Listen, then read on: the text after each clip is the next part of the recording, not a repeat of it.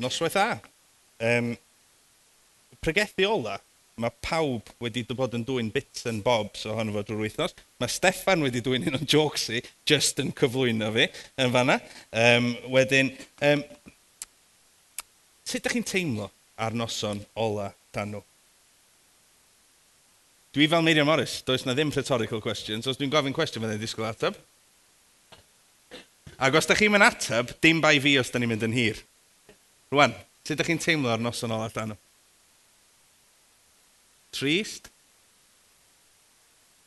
Llawn? Da, da iawn.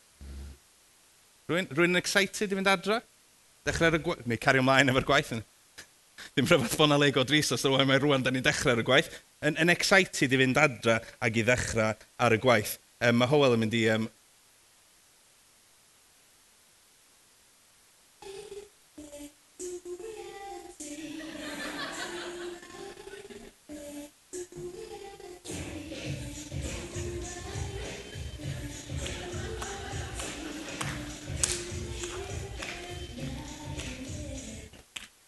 Peidiwch o poeni. Dwi ddim yn mynd i wneud cynnan llwyd, does na ddim rap yn mynd i fod hen yma.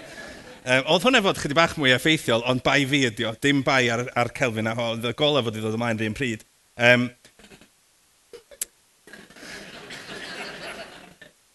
achos, da ni yn mynd adre fory, um, os na, ydych chi'n mynd ar wyliau arall. Um, ond, da ni'n mynd adre. Um, da ni'n mynd yn ôl i, lle da ni wedi dod ohono fo, da ni'n mynd yn ôl i'n eglwysu lleol, da ni'n mynd yn ôl i'r i'r gwaith, os da ni mewn gwaith secular, um, da ni'n mynd yn ôl um, i, i wneud be da ni'n fod i wneud. Um, a mae eisiau ni baratoi, a dyna beth dwi'n gobeithio bod ni'n mynd i wneud um, hynna heno. A mae mynd o gynadledd grisnogol yn deimlad od. Dyn rhywun yn teimlo oedd Owain yn teimlo dipyn bach, mae yna dristwch. Mae yna teimlo fel bod rhywbeth ar goll. Mae fatha dod allan o'r cinema yng Ngola Dydd. Dyn rhywun wedi dod allan o'r cinema yng Ngola Dydd? Oh, come on. Iawn. Da chi'n dod allan, a da chi wedi bod yn y twyllwch, a da chi'n dod allan, a mae'n amser iawn i'r hael fod allan yma, ond da chi chydig bach yn confused, yn disorientated. Um, da chi ddim yn siŵr iawn lle i fynd, da chi'n chwilio am y car, a wedyn, nes i ddod mewn car? Be dwi fod i wneud? A da ni'n gallu teimlo fel yna pan da ni'n gadael gwyl grisnogol da ni ddim yn siŵr iawn be da ni fod i wneud. Da ni newydd fod yng nghwmni'r holl bobl yma, da ni ddim yn siŵr. A does na'n byd yn bod ar ddod i gynadledd Grisnogol. Does na'n byd o'i le ar fynd i ben y mynydd o dro i dro. Dim byd o'i le ar ymlacio, o dreulio amser yng nghwmni brodyr a chwiorydd, o gael bwyd ysbrydol, o gael yn llenwi, um, i annog yn gilydd i roi trefn unwaith eto i'n amseroedd tawel. Drwy'n rwy'n wedi llwyddo wneud hynny? Neu ydych chi fel fi ddim wedi gallu cysgu ac fe rhaid roi trefn ar yr amser tawel dechrau wythnos nesaf? Ond wedyn, da ni'n gadael yr wyl grisnogol. Da ni'n gadael llanw. Mae rhai o'n ni, dyma'r degfed tro, fyddwn ni'n gadael llanw, a da ni'n mynd yn ôl i'r byd. A mae'n aml fel gadael cinema, mynd i'r gola, a da ni'n siŵr iawn lle da ni, da ni'n siŵr iawn beth da ni fod i wneud, um, mae yna deimlad, os da chi'n dod allan o sinema yn, yn, yn gola dydd, da chi'n teimlo bod pawb yn edrych yn chi fel bod chi'n od. Sa chi'n gadael tafarn yng nghanol dydd, fedrwyd all hynna, lle bod yna reswm yn edrych yn chi fath o bod chi'n... Ond jyst di wedi bod yn cinema, da chi, rhyw sgwintio ddim yn siŵr beth sydd yn digwydd. Dyna beth dwi eisiau ni wneud heno yma, ydy meddwl am fori. Meddwl am disil, am bore dy llun, am fus o flaen llaw. Sut da ni'n teimlo am fynd yn ôl Ydy ni ar dan? Ydy ni yn hyderus i fynd a rhannu'r newyddion da yma sydd ganddyn ni? Ydy ni'n ei fod yn canu amdano fo rwan. Ydy ni yn llawn gobaith. Os na rhywbeth yn ni'n dweud, dwi'n mynd i newid y byd. Dwi'n mynd i weld pobl yn cael ei achub. Um, mae Joss Edwards yn dweud, dwi'n mynd i fod yn history maker. Dyna beth i quotes Joss Edwards. Ond dwi eisiau ni gael golwg ar hynny, a dwi eisiau ni gadw yr un brodfrydedd, ond dwi eisiau ni edrych ar chydig bach o reality y sefyllfa. Dwi eisiau ni edrych ar y sefyllfa'n iawn. I be ydym ni'n mynd yn ôl? Ac os fyswn ni'n rhoi teitl i bregethau, fyswn ni'n rhoi i hon, mae'r gwaith yn anodd, ond mae Dyw yn dda. Da ni'n gallu gadael llefydd fel hyn yn edrych ar bethau yn arwynebol. Mae fatha, um, os da chi wedi chwarae, o'n i'n meddwl pan mae, mae Steff union ddeg mlynedd yn iau na fi. Um, a yn y llanw cyntaf, felly o'n i'r un oed y Steff, o'n i'n 25, a pan o'n i'n 25 o'n i'n chwarae rygbi.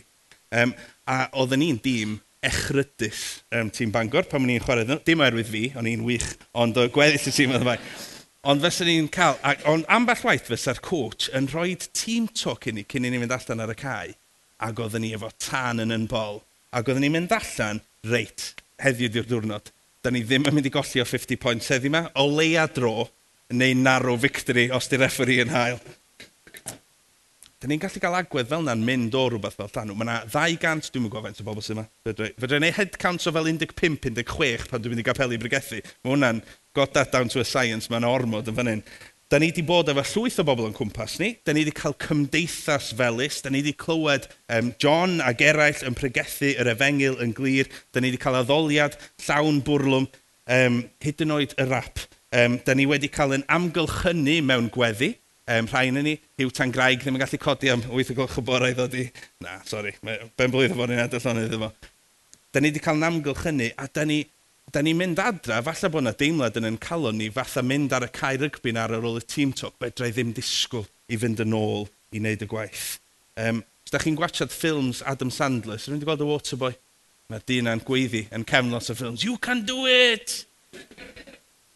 A da ni'n mynd, a dyma ret, dyma ni, dyma'r flwyddyn, da ni'n mynd i wneud o. Ond os da chi fel fi, da chi wedi bod yn fan na o'r blaen, da chi wedi bod yn llanw ar dechrau, falle bod chi wedi bod yna e, am y degfed tro erbyn hyn. A mae rhywbeth yn digwydd pan da ni'n mynd yn ôl. Cario ymlaen efo darlun y gêm rygbi yna. Da ni'n mynd allan ar y cae, a bian iawn, mae un o pac bro ffestiniog Nhw sy'n wastad yn chael achos nhw oedd y tîm mwy arall. Um, maen nhw'n neud y river dance. O ribcage fe ni just dros top y glist. A dydy'r you can do it ddim yn ddigon ddim mwy. Dydy'r team talk na gan y coach ddim yn ddigon. Mae'r tan wedi mynd o'r bol. A pan da ni'n edrych, pan da ni'n teimlo felly, da ni'n edrych yn ôl ar llanw mewn hiraeth. Mae hiraeth yn beth da weithiau, ond da ni'n edrych yn ôl. Dwi jyst eisiau bod yn ôl yn fanna. Dwi'n eisiau bod yn fam bellach. Mae peth fel hyn yn gallu cuddio reality y sefyllfa, be dyn ni'n mynd yn ôl iddo fo. Mae Iesu Grist yn deud bod yn yn anfon ni allan fel defaid i blith bleiddiaid. A hwnna di reality. Dwi, dwi ddim yn mynd i ganolbwyntio ym gormod ar hyn, ond da ni'n mynd i fyd sydd yn cysau efengil Iesu Grist. Da ni'n mynd allan at bobl sydd mewn gwrthryfel yn erbyn Dyw nid ddim wedi dewis caru Iesu, maen nhw mewn gwrthryfel yn erbyn yr arglwydd ei hun. Da ni'n mynd i fyd sydd yn llawn tywyllwch. Da ni'n mynd i gymdeithas sydd ddim yn licio clywed am wirioneddau absoliwt. Dyn nhw'n licio clywed bod na ddrwg a bod na dda. Mae dim ond un ffordd sy'n na i'r nefoedd. Dyn nhw'n licio clywed mae Iesu di unig obaith i'r holl o ddynolryw, nid Cymru, pob man yn y byd. Dyn nhw ddim eisiau clywed am, am bechod, na giffern na barn. A dwi ddim yma i leinio y byd, dim sbiwch arnyn nhw tu allan, falle bod ni wedi gwneud gormod o hynny yn y gorffennol, rhag cwilydd arnyn nhw ddim yn bod fel ni. Does gen i mi un o'n ni le i fod yn hunan gyfiawn.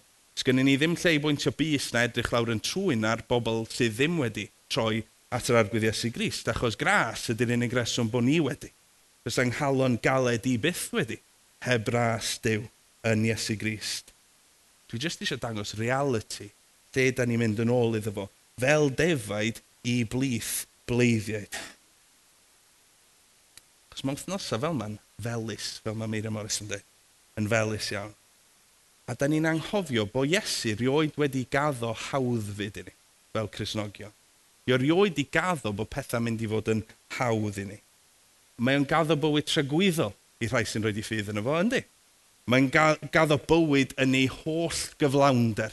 Ydy'n bywyd ni'n gyflawn ac yn dda efo Iesu Grist, yndi. Ond dio byth yn gaddo bywyd hawdd.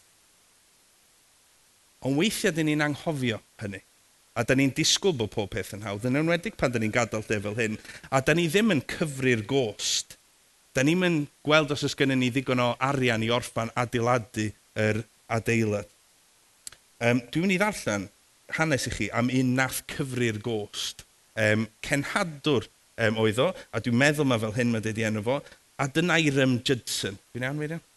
O, mae Sarah'n dweud bod fi'n iawn. Dwi'n trystio Sarah. Da ni, Adoniram Judson. Mae o'n prodi, dyna sy'n enw Ann Heseltine, chwefror y pumed, 182. Di hwnna ddim yn bwysig o gwbl, so gewch chi anghofio'r dyddiau dyna, dim test hanes. A wedyn mae'n cael ei ordeinio y diwrnod ar ôl y brodas oedd o wedi cyfru'r cost o fynd yn genhadwr i Iesu Grist dros y môr. Ond pan mae o'n prodi, um, pan mae o'n isio dyweddio fo Ann Hasseltine, mae o yn gofyn i'w thad am ei llaw hi mewn priodas. A mae'n neud hynny trwy lythyr. A dwi'n mynd i ddarllen o. Um, arwel gyd i frec bach. Ti wedi bod, chdi nath gyfieithu'r emyn dwi'n so gyd i frec bach o fan hyn, a ddarllen o'n Saesneg. Dyma be mae'n sgwennu i'w ddarpar dad yng Nghyfraith. I have now to ask whether you can consent to part with your daughter early next spring. So far, so good. To see her no more in this world. Whether you can consent to her departure to a heathen land and her subjection to the hardships and sufferings of a missionary life. Whether you can consent to her exposure to the dangers of the ocean, to the fatal influence of the southern climate of India, to every kind of want and distress, to degradation, insult, persecution, and perhaps a violent death. Dwi'n dwi mynd yn ddagreuol, nid fedrai gyfru'r gost i fi, fedrai gyfru'r gost i gwawr, ond mae gennau ferch. A falle geith i lythyr, fel, gael lythyr fel yma. Mae'n siaws. Um, ond mae'n gorffan. Mae wedi cyfru'r gost. Can you consent to all this for the sake of him who left his heavenly home and died for her and for you? Mae'n cyfri'r gost a wedyn mae'n ymateb i'r alwad. Da ni'n neidio weithiau i ymateb i'r alwad heb gyfru y gost.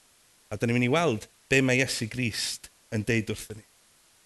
Mae'r adnod yma'n dod pan mae'n rhoi y comisiwn i'r deuddeg disgybl, nid ar adeg yr ysgyniad, ond pan mae Iesu dal yn gwynud y geithio ar y ddeir. A falle bod ni'n gyfarwydd iawn, ewch fesul 2, peidiwch yn mynd â pwrs a cod a, a ffon efo chi, a, ewch y ffon. Mae'n mynd â pethau, ond wedyn mae Matthew yn dweud, mae Iesu'n cario ymlaen. Mae'n cario ymlaen, a dydy o ddim yn rhoi rousing, you can do it, iddyn nhw. Mae Iesu yn deud lot o beth eraill, darllenwch Matthew penod 10 um, nes ymlaen. Ond, da ni'n mynd i ganolbwyntio ar yr adnod yma. Nid yw disgybl yn well na'i athro, na gwas yn well na'i feistr. Digon i'r disgybl yw bod fel ei athro a'r gwas fel ei feistr. Os gael wasant feistr y tŷ yn Beelzebul, pa faint mwy ei deulu. Felly, peidiwch ei hofni hwy, oherwydd nid oes dim wedi ei guddio na ddatgyddir, na dim yn guddiedig na cheir ei wybod. Yr hyn a ddwedaf wrthych yn y tywyllwch, dywedwch ef yng ngolau dydd, a'r hyn a sybrydir eich clust, cyhoeddwch ef ar bennau'r tai. A pheidiwch ag ofni rhai sy'n lladd y corff, ond na allant ladd yr enaid. Ofnwch yn hytrach yr hwn sy'n gallu dinistrio'r enaid a'r corff yn uffern. O'n i werthu'r dau aderyn y to am geiniog, eto, nid oes un ohonynt yn syrthio i'r ddeiar heb eich tad. Amdan y chwi, y mae hyd yn oed pob blewyn o wallt eich pen wedi ei rifo. Peidiwch ag ofni felly, yr ydych chi'n werth mwy na llawer o adar y to. A Iesu'n dweud, cyfrwch y gos. Dyma'r byd ydych chi yn mynd allan iddo fo. Ac wrth fynd i fyd felly, da ni'n mynd i wynebu ofn, neu yn hytrach, da ni'n mynd i gael yn temtio i fod ag ofn. Da i'r gwaith mae'r argwydd Iesu Grist yn deud wrth y disgyblion am beidio ofni. Os di rhywun yn deud rhywbeth deir gwaith wrthych chi, Be ydych chi'n neud? Come on, ydych chi wedi disgyn y gysgu eto? Grando. Ydych chi'n grando ydych? Ydych chi unrhyw un efo plant yn gwybod? Tri. Tri. That's the limit of my patience. Tair gwaith. Os ydych chi'n ticlo Rodri Glyn dwywaith a mae wedi deud paid, byw i chi diclo fo'r trydydd gwaith, neu gwewch chi, be maen nhw'n deud yn hos, hws dyn iawn. Um, slap pen ôl, diwna. hwnna. Um, Swnio well yn, yn hos. hws dyn. A mae'r argwydd yn dweud, dair gwaith, peidiwch a gofni. Peidiwch a gofni. Pwyslais, dwi'n meddwl, Dyw wrthyn ni heno ac yn arbennig wrthyn ni adael fori a mynd yn ôl. O llanw, un cartrefi, un cymunedau ydy i ni fynd adre mewn dewrder ac nid mewn ofn. Ond dewrder i be? Dwi'n meddwl mae'r allwedd yn, yn adnod 27 Yr hyn a ddywedaf wrthych yn y tywyllwch, dywedwch ef yng ngolau dydd, a'r hyn a sy'n brydyr eich clis, cyhoeddwch ef ar bennau'r tai. Mynd allan mewn dewrder i gyhoeddi a byw allan yr efengil yn glir, heb gyfaddawd, heb compromise yn y byd sydd o'n gwmpas ni. Ond da ni'n mynd i ganol bleiddiau. Da ni'n mynd i'r byd sy'n mewn gwrthryfel a diw, ac felly mae'r temtasiwn yna i fod ofn. Ofn pobl. Dwi'n weinidog bellach ers 8 mlynedd. Dwi'n trio, dwi'n mynd i'r um, i'r dafarn yn Rhostyllan. Um, um, dwi'n dwi mynd ben yn hun, dwi'n mynd efo rhywun arall, efo Christian arall. A bwriad ydy, dod i'n abod pobl deithio nhw Iesu Grist. Mae'n lle lle mae pobl angen clywed am Iesu Grist, mae'n le anodd i ddeud wrth pobl am Iesu Grist. Mae ofn pobl yn golygu weithiau, pan mae rhywun yn gofyn, what do you do?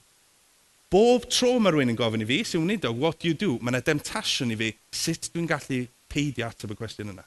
Achos os dwi'n deud mewn nidog, dwi'n mynd i gorau, da ni'n cael yn temtio fod ofyn pobl, i fod ofyn geiriau. Tro cyntaf ddys i'n gristion ni'n deith yn ffrindiau, fe nhw'n deud, ti efo issues, o pen llun, ti efo issues rhywun, mynd i ysgo sil, a felly. A da ni ofyn y geiriau yna, so da ni'n meddwl, sut dwi'n gallu peidio deud hynna eto? um, ymatebion pobl, insult mwyaf heddiw, o, oh, ti'n Christian, ti'n intolerant. Ti mor intolerant. Neu da ni ofn unigrwydd, o beth dwi'n deud yma pawb yn gadael fi a dwi ben yn hun a fi neb eisiau bod yn ffrindiau fo fi. Neu bod ni'n deud, wel, well i fi beidio deud y gwir i gyd achos dwi ofn methu. Be os dyn nhw'n gwrthod Iesu Grist a wedyn fydd gynnau'n cyfle i sôn am Iesu Grist eto? Mae ofn yn llethu ni.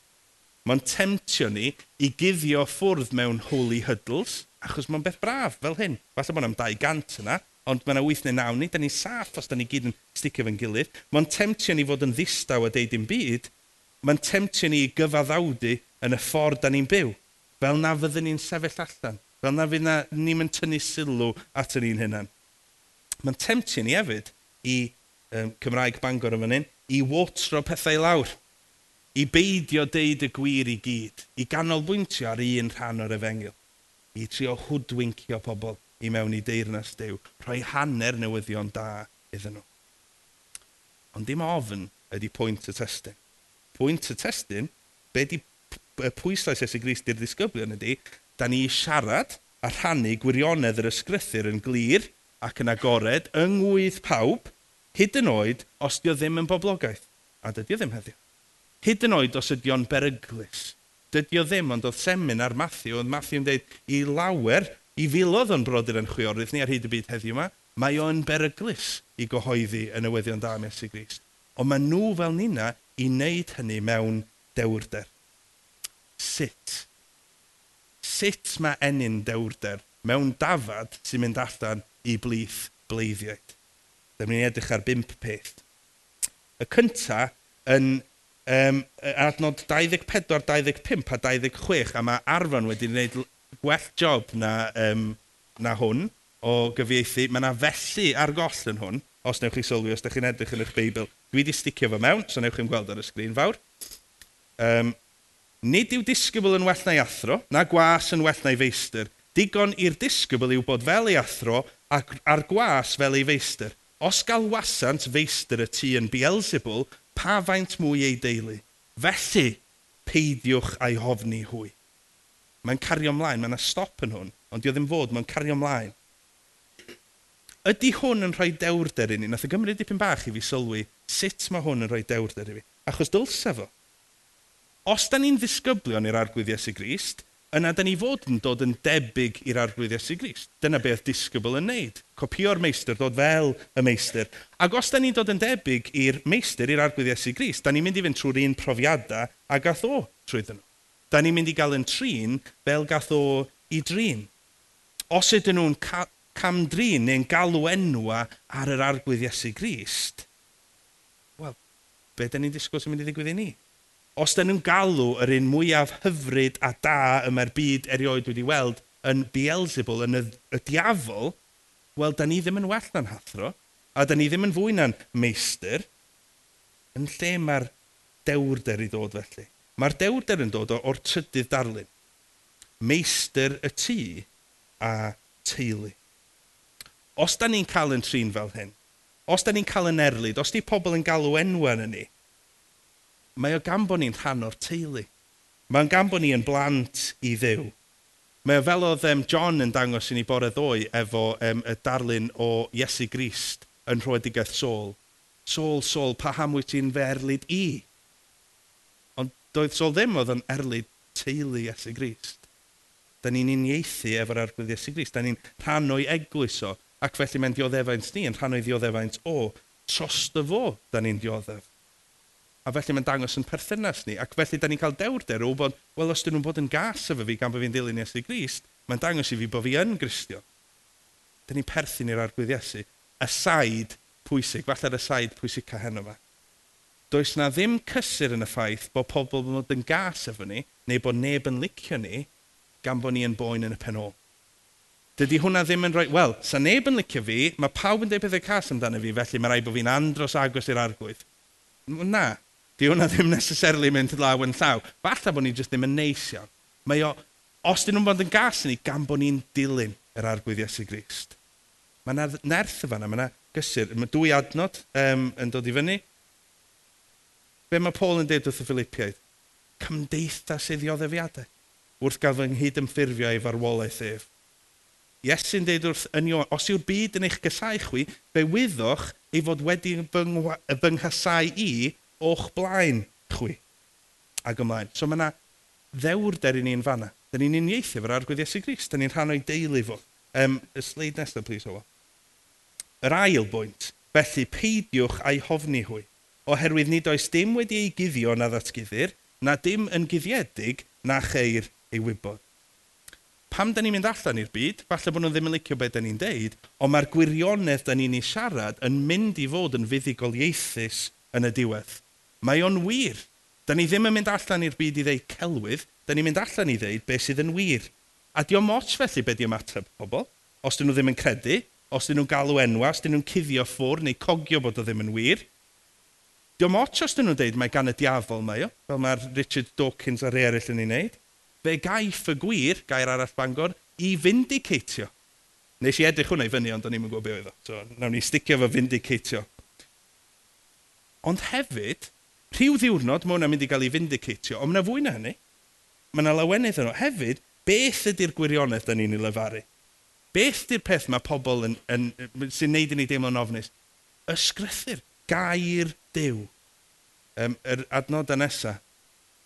Y mae fy ngair sy'n dod o'm gennau, um, felly y mae fair sy'n dod o'm gennau, ni ddychwel ataf yn ofer, ond fewn na'r hyn a ddymunaf a llwyddo am neges does na ddim o eiriau dew yn dod yn ôl iddo fo'n ofer. Ac felly, falle bod ni'n teimlo'n ofnus, falle bod ni'n cael yr ymateb da ni isio, ond mae'n gwneud i waith. Mae'r arglwydd yn mynd i wneud i waith trwy air. Nid oes arnaf gywilydd o'r efengil. Pam? Gallu diw yw hi ar waith er iachawdwriaeth i bob un sy'n credu. Da ni'n mynd allan, da ni'n deud y gwir. A mae o yn wir, ac felly fe gaiff o'i findicatio, a'r gobaith ydy, trwy gair Christ, mae pobl yn mynd i ddod i'n abod Iesu Grist. Trwy gair Iesu Grist, mae pobl yn mynd i gael ei achub. Y gwirionedd yma, a dim ond y gwirionedd yma, sef yr efengil, sy'n achub. Does na ddim ffordd arall, efengil Iesu Grist sydd yn achub. A fydd yn cael ei ddatgyddio felly. Mae um, Corinthiad 4.5 yn sôn am y datgyddiad yna yn y diwedd. Ond falle bydd yn cael ei ddatgyddio i ni mewn achubiaeth person. Mae yna rhywun wedi dweud wrth bob un ohono ni am Iesu Grist. A falle bod chi fel fi, ar gyfnodau, wedi bod yn gas efo'r person yna nath ddeud am Iesu Grist wrthyn. Ond rhyw ddiwrnod, neu falle rŵan, mae'n mynd i gael ei ddangos yn wir, i vindicatio. Felly byddwch yn ddawr. Yr hyn a ddwedaf wrthych yn y tywyllwch, dywedwch ef yng ngolau dydd. Peidiwch y cuddio i ffwrdd. Yr hyn a sy'n brydyr eich clis, cyhoeddwch ef ar bennau'r tai. Gweiddi falla, peidio bod y cwylydd ohono fo. Mae yna ddewrder yn fanna. Mae o'n wir be da ni'n mynd allan i'r byd i ddeu. A pheidiwch â gofni rhai sy'n lladd y corff, o na allan lladd yr enaid.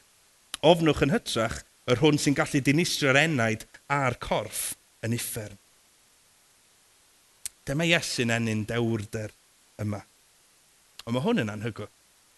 Yn syml, peidiwch poeni, achos y peth gweitha fedrwn nhw'n wneud i chi ydy lladd eich corff chi. Dim ond lladd y corff, fedrwn nhw ddim cyffwrdd ar enaid. Mae lladd y corff i'r Cristion yn golygu first class ticket i baradwys, yn syth ar dew. Dim ond y corff sydd yn marw. A mae hyn yn reality, yn ei dweud, mae Matthew yn gweithio ar ran y bobl yma yn brodyr yn chwiorydd ni, i filodd ohonyn nhw, heddiw. mae nhw'n colli bywydau oherwydd yr efengil. Ond dim ond y corff mae pobl yn dinistrio, Dyn nhw'n dinistio'r enaid. Mae'r enaid efo Dyw. Ymharadwys. Dwi'n licio meddwl amdano'n hun. So i mewn gwlad felly, neu mewn sefyllfa felly, dwi'n wynebu marwolaeth am gyhoeddi'r newyddion da. So i'n licio meddwl hyn, allai bod chi fel fi, so i'n licio meddwl fyswn i'n rhoi rhyw quote fel Jim Elliot. Um, so fel mewn iaith mwy bratiog, He is no fool who gives up what he cannot keep to gain what he cannot lose neu John G. Patton, oedd yn mynd i'r New Hebrides yn gynhadwr, a mae capten y llong yn deud, please don't leave the ship, you will be eaten by cannibals. A mae John G. Patton a'i wraig a'i blentyn yn troi at y capten ac yn deud, you don't understand, sir, we have already died.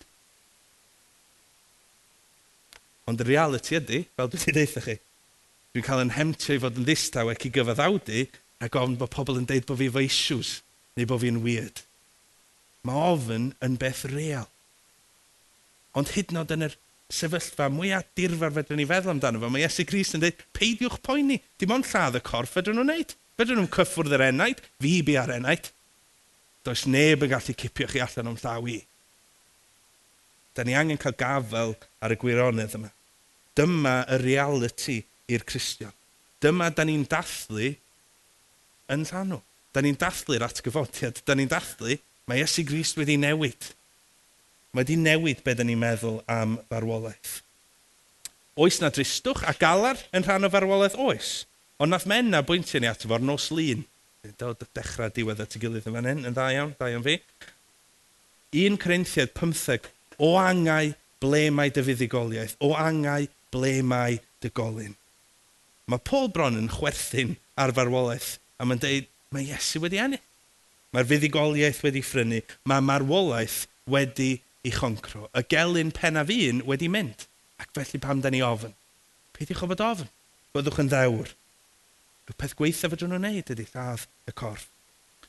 Os da chi yma heno a da chi ddim yn grisnogion, neu da chi'n mynd siŵr bod chi'n grisnogion, da chi'n meddwl, i hwn ddim yn sales pitch da gan rhywun. I'd go about it a different way, if I were you. Allan i blith bleiddiad, Mae'n rili anodd, so neb yn mynd i licio chi, dych chi'n mynd i ddioddef, galw enwa, a falle marw. Ond yn fama, mae'r apel. Yn fama, mae'r apel yn y neges yma i'r rhai sydd ddim yn grisnogion. Mae pwy ydy Iesu Grist a be mae Iesu Grist wedi wneud dros i blant o rai sy'n rhoi di ffydd yn y fo yn newid pob peth. Mae'r Cristion yn gallu deud yng ngwyneb marwolaeth, os dwi'n marw, dwi'n mynd i fod efo Iesu, ac os dwi'n byw, wel mae Iesu Grist efo fi. Mae George Bernard Shaw yn deud, the statistics on death are quite impressive. One out of every one person dies. Hwna ydy'n gelyn pennaf ni. Ond da ni yn dathlu yn llanw, ac fel Cristion pob dydd, mae Iesu Grist wedi concro y gelyn pennaf. A da ni'n gallu chwerthin, fel Paul, pa le mae dy fuddugoliaeth? Pa le mae dy golyn? A gan bod hynny'n wir, be da ni'n poeni be mae pobl yn meddwl? Da ni ddim yn cael yn lladd am fod yn grisnogio. Be da ni'n poeni be maen nhw'n ddeud amdano ni? Mae Iesu Grist yn fyw, a fydden ni'n fyw am byth, ac felly mae rhaid ni ddeud hynna wrth bobl eraill. Neu, neu, neu, neu ddim mynd dros gwe, uh, gormod o gweddill yr adnod efo be mae Dyw yn neud. Ond y beth pwysig ydy, we're playing for an audience of one. Un person sydd yn bwysig. Peidiwch bod ofyn pobl, byddwch ofyn Dyw. Dim ofyn fel dychryn a parchedig ofyn tuag at yr arglwydd. Fod yr ingrymus. Oedd Hugh Latimer, Hugh Latimer yn pregethu o flaen uh, Harry Rwythfed. So ni'n meddwl, oedd o'n gynulleid fan neud rwy'n lot mwy nerfus na chi, Harry Rwythfed. A mae yna sôn amdano fo'n deithi hun, Latimer Latimer, remember that the king is here, be careful what you say. A wedyn mae'n meddwl am yn deud, Latimer, Latimer, remember that the king of kings is here, be careful what you do not say. Da ni'n mynd allan i'r byd, a mae'n temptasiwn i fod yn ofnus, ond mae yna ma, na, ma ddewr der i ni. Yn be di'r gweitha maen nhw'n gallu gwneud i ni? Rhoed ni efo Iesu Grist. Peth gweitha sy'n gallu digwydd i fi ar y ddeiar mae'n golygu bod fi'n mynd at yr arglwydd Iesu hi. Amen. Pedwerydd pwynt. Dwi'n cael amen i fy'n hyn, nath yn gweithio. Um, pedwerydd pwynt, adnod nesaf. Ie, yeah, diolch, diolch. O'n i werthu'r dau a deryn y to am geiniog. Eto, nid oes un ohonynt yn syrthio i'r ddeiar heb eich tad. Byddwch yn ddewr. Does na ddim byd yn mynd i ddigwydd yn ni y tu allan i ewyllus y tad. Dim byd yn digwydd i'r saint tu allan i ewyllus Dyw. Does na ddim drwg yn mynd i ddod i'n rhannu, sydd ddim yn rhan o be mae Dyw yn ei drigaredd yn ewyllysio ar ein cyfer ni. Sa ddim byd yn digwydd i ni nad ydy Dyw yn ymwybodol ohono fo. Mae'n adnabod ni. Mae'n gwybod yn defnydd ni. Da ni'n werthfawr yn ei olwg o. Ag, um, oh Gwydd am fod Dyw ym mhob peth yn gweithio er daioni gyda rhai sy'n ei garu, y rhai sydd wedi ei galw yn ôl ei fwriad. Does na ddim byd yn digwydd tu allan ei o, a mae wywyllus o er daioni i blant o. Mae yna ddewrder i ni yn fanna. Enghraifft ohono fo, Iesu Grist, oedd gen Iesu lot o ffrindiau, mae gen fo fwy o ffrindiau heddiw, gwelwch neu beidio, Mae fwy o bobl yn dod i gredu Iesu Grist bob dydd. Ond enwau rhai ohonyn nhw yn y Testament Newydd Mair, Martha a Lazarus. Rodrych, brawd a dwy chwaer. A mae Lazarus yn rili really sal. A dyma introduction Iwan. Mae Iesu newydd clywed bod Lazarus yn rili really sal. A mae, mae Iwan yn deud hyn. Yn awr yr oedd Iesu'n caru Martha a'i chwaer a Lazarus. Mae o'n rili really sal. A mae Iwan yn pwysleisio mae'n caru nhw. So mae'n mynd i fynd yn syth. Heirio mil a offa fo i Bethania. Na, ac wedi clywed ei fod efo'n wael, arhosodd am ddau ddiwrnod yn y fan lle roi. Oedd Lazarus a Mair a Martha, Sir, Sir, pe biasit wedi bod yma? Ni fiasef fy mrawd wedi marw, ond nhw ddim yn dall beth yn mynd ymlaen. Ond mae'r arglwydd yn caru Mair Martha a Lazarus. A mae o'n, maen nhw i gyd yn dioddef am enid, ond mae eri lles nhw. Achos be maen nhw'n cael gweld? Maen nhw'n cael gweld yr atgyfodiad ar bywyd. Iesu Grist yn dod â Lazarus o'r bedd ar ôl pedwar diwrnod. Byddwch yn ddewr. Mae Dyw cwbl sofran wrth y lliw. Henry Martin yn deud hyn am sofraniaeth Dyw. If God has work for me to do, I cannot die. Neith Dyw ddim gadael i ddim byd ddigwydd i ni, tu allan ni wyllus. Nawn ni wneud beth dyn ni fod i wneud ar y ddeiar. A da ni'n nabod y Dyw sofran yma fel tad mae Iesu'n dweud wrthyn ni. Yn olaf, amdano chwi y mae hyd yn oed pob blewyn o wallt eich pen wedi ei rifo. Peidiwch â gofni felly, rydych chi'n werth mwy na llawer o adar y to. Mae Steff di dwi'n y joc, never mind am hwnna. Mae yna lot o bethau fyswn ni'n gallu mynd ar ôl y fama, ond rai mond mynd ar ôl un.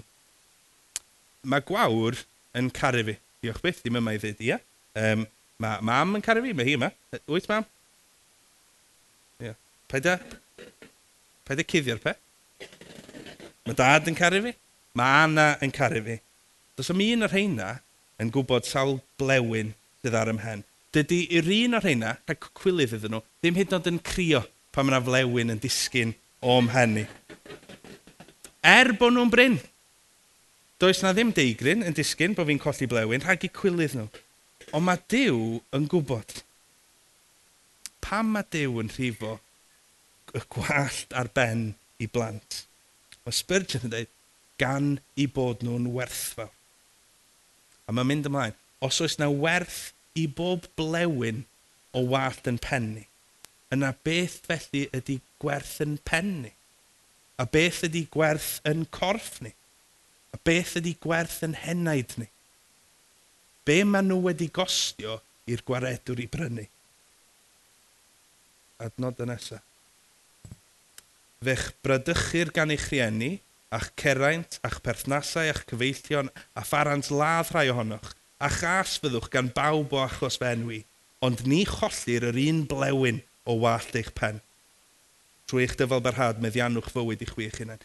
Dydy'r arglwydd ddim yn mynd i atal i un blewyn o wallt yn pen ni fynd i uffern. Mae o'n ddiachub ni i gyd. Mae Iesu Grist, mae Dyw y Tad yn yn caru ni. Mae'n caru ni gymaint, am amser i fi fynd i Salm 139. Mae'n gwybod pob peth amdano ni. Mae'n yn caru ni. Felly peidiwch ag ofni, byddwch ddewr. Da ni'n mynd i'r byd ma, da ni'n mynd efo'r arglwydd sydd wedi'n caru ni fel hyn mae o wedi dangos i gariad tuag ato. Prawf Dyw o'r cariad sydd ganddo tuag atom ni yw bod Crist wedi marw drosom pan oedd em dal yn bechaduriaid. Da ni'n mynd i'r byd yma, ond da ni'n mynd yng nghwmni Dyw sydd wedi'n caru ni gymaint fel bod wedi anfon i unig anedig fa. I fyw y bywyd perffaith da ni fod wedi byw, ond da ni heb. Ond mae dal di anfon o. No? a mae Iesu wedi dod o'i wirfodd i farw ar groes, ydy ni'n heiddi marw arno fo, i gael ei gladdu yn y bedd, ydy ni'n heiddi bod yn fo, a ydy ni'n heiddi cael yn cosbi yn uffern i dragwyddoldeb mawr. Am yr gwrthryfel sy'n yn bywyd ni yn erbyn Dyw. Ond mae di anfon i fab, a mae o wedi marw, er mwyn i ni trwy ffydd gael byw, a cael bywyd newydd, a cael rhan ymharadwys nad ydyn ni'n ei heiddi trwy ras rhyfeddol ef. A da ni'n mynd allan i ganol bleiddiaid efo'r dew yma sydd wedi'n caru ni fel hyn. Dwi'n mynd i cwtio Meirion Morris o dyrnod y blaen yma. Da ni'n mynd allan fel defaid i blith bleiddiau yng nghwmni un sy'n cael safnau llewa. Felly, peidiwch â bod ofn. Da ni'n mynd o llan nhw. Mae gennym ni waith i wneud. Mae gennym ni newyddion da sydd yn wir i'w gyhoeddi Mae, dio ddim yn mynd i fod yn hawdd fe. Da ni'n mynd i ddioddef, mae pobl yn mynd i alw enwa. Alla fydd pobl yn deud bod gennych chi issues. Ond da ni'n mynd allan efo newyddion da yng Nghymru'r Dyw Mawr i hun. Diolch iddo. Amen.